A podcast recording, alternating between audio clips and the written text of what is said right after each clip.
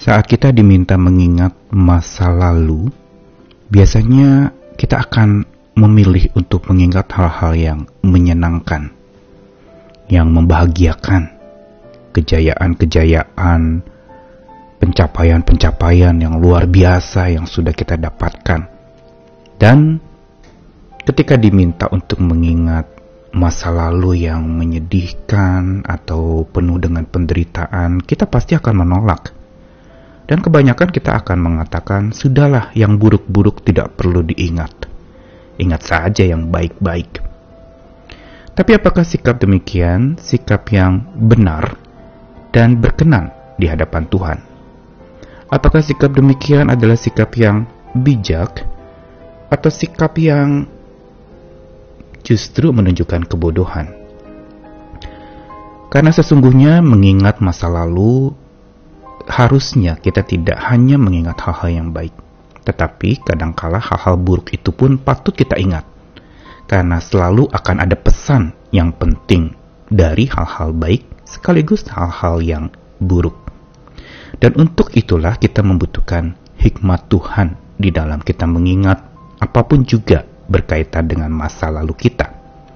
Saya Nikolas Kurniawan menemani lagi di dalam Sabda Tuhan hari ini dari Ibrani pasal 10 ayat 32 sampai 35. Ingatlah akan masa lalu. Sesudah kamu menerima terang, kamu banyak menderita oleh karena kamu bertahan dalam perjuangan yang berat baik waktu kamu dijadikan tontonan oleh cercaan dan penderitaan, maupun waktu kamu mengambil bagian dalam penderitaan mereka yang diperlakukan sedemikian.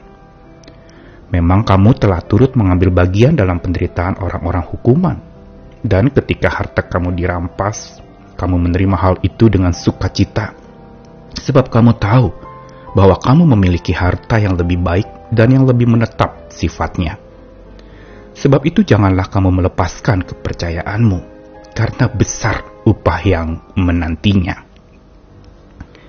Bagian dari surat Ibrani pasal 10 ini ingin memberitahukan kepada kita tentang bagaimana kita bisa mengingat masa lalu dengan bijak.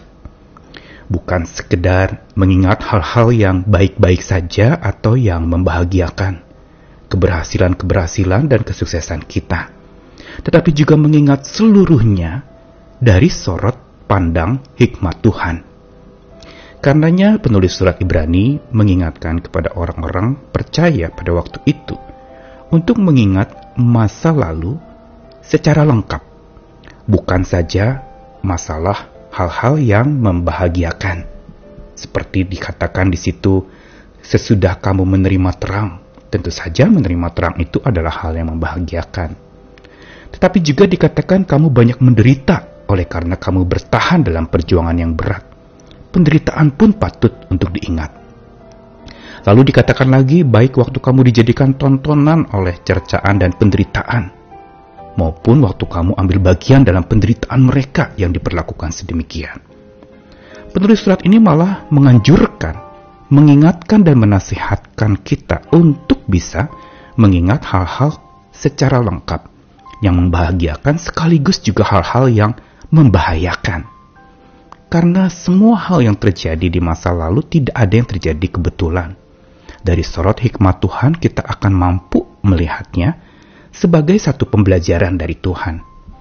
Dan sekalipun masa lalu itu adalah sesuatu yang berupa kejatuhan yang sempat membahayakan, itu bisa dipakai oleh Tuhan justru untuk mendewasakan.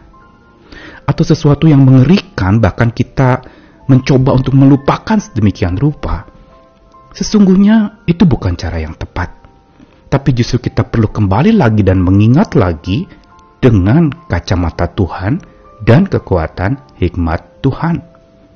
Sehingga dengan demikian kita punya satu cara pandang yang justru lebih berdasarkan iman daripada berdasarkan pengharapan-pengharapan yang kita buat sendiri. Karenanya dikatakan memang kamu telah turut ambil bagian dalam penderitaan orang hukuman, dan kamu menerima hal itu dengan sukacita.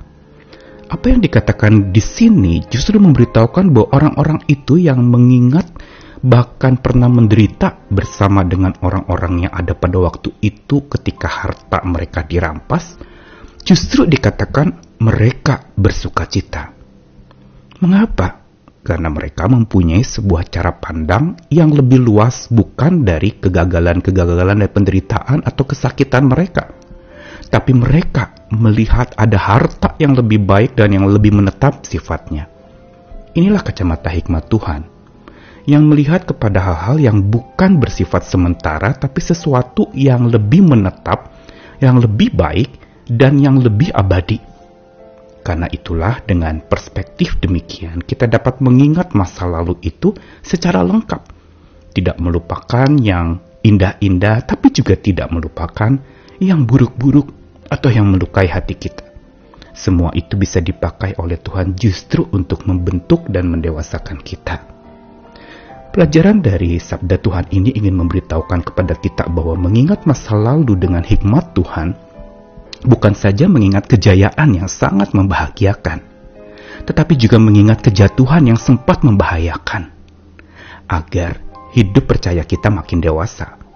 Dan hidup percaya kita itu justru bercahaya luar biasa lewat penderitaan-penderitaan kita, lewat masa lalu yang menyakitkan yang kita alami, atau lewat kesusahan dan kejatuhan yang pernah kita tempuh pada masa lalu itu. Semua itu adalah cara Tuhan justru untuk membuat kita menjadi lebih berhikmat lagi. Karena itu ingatlah masa lalu dengan hikmat Tuhan, bernostalgia bukan saja kepada hal-hal yang indah, tapi juga kepada hal-hal yang susah. Karena makin kita melihat dengan sorot mata hikmat Tuhan, kita akan menemukan betapa semua itu adalah harta yang berharga yang Tuhan izinkan dan taruhkan dalam hidup kita agar kita makin bercahaya luar biasa. Selamat mengingat dengan hikmat Tuhan dan yang pasti jangan lupa untuk mengingat Tuhan yang selalu ada di dalam setiap apa pun yang kita alami, baik di masa lalu, masa kini maupun masa yang akan datang. Tuhan mengasihi kita sekalian. Amin.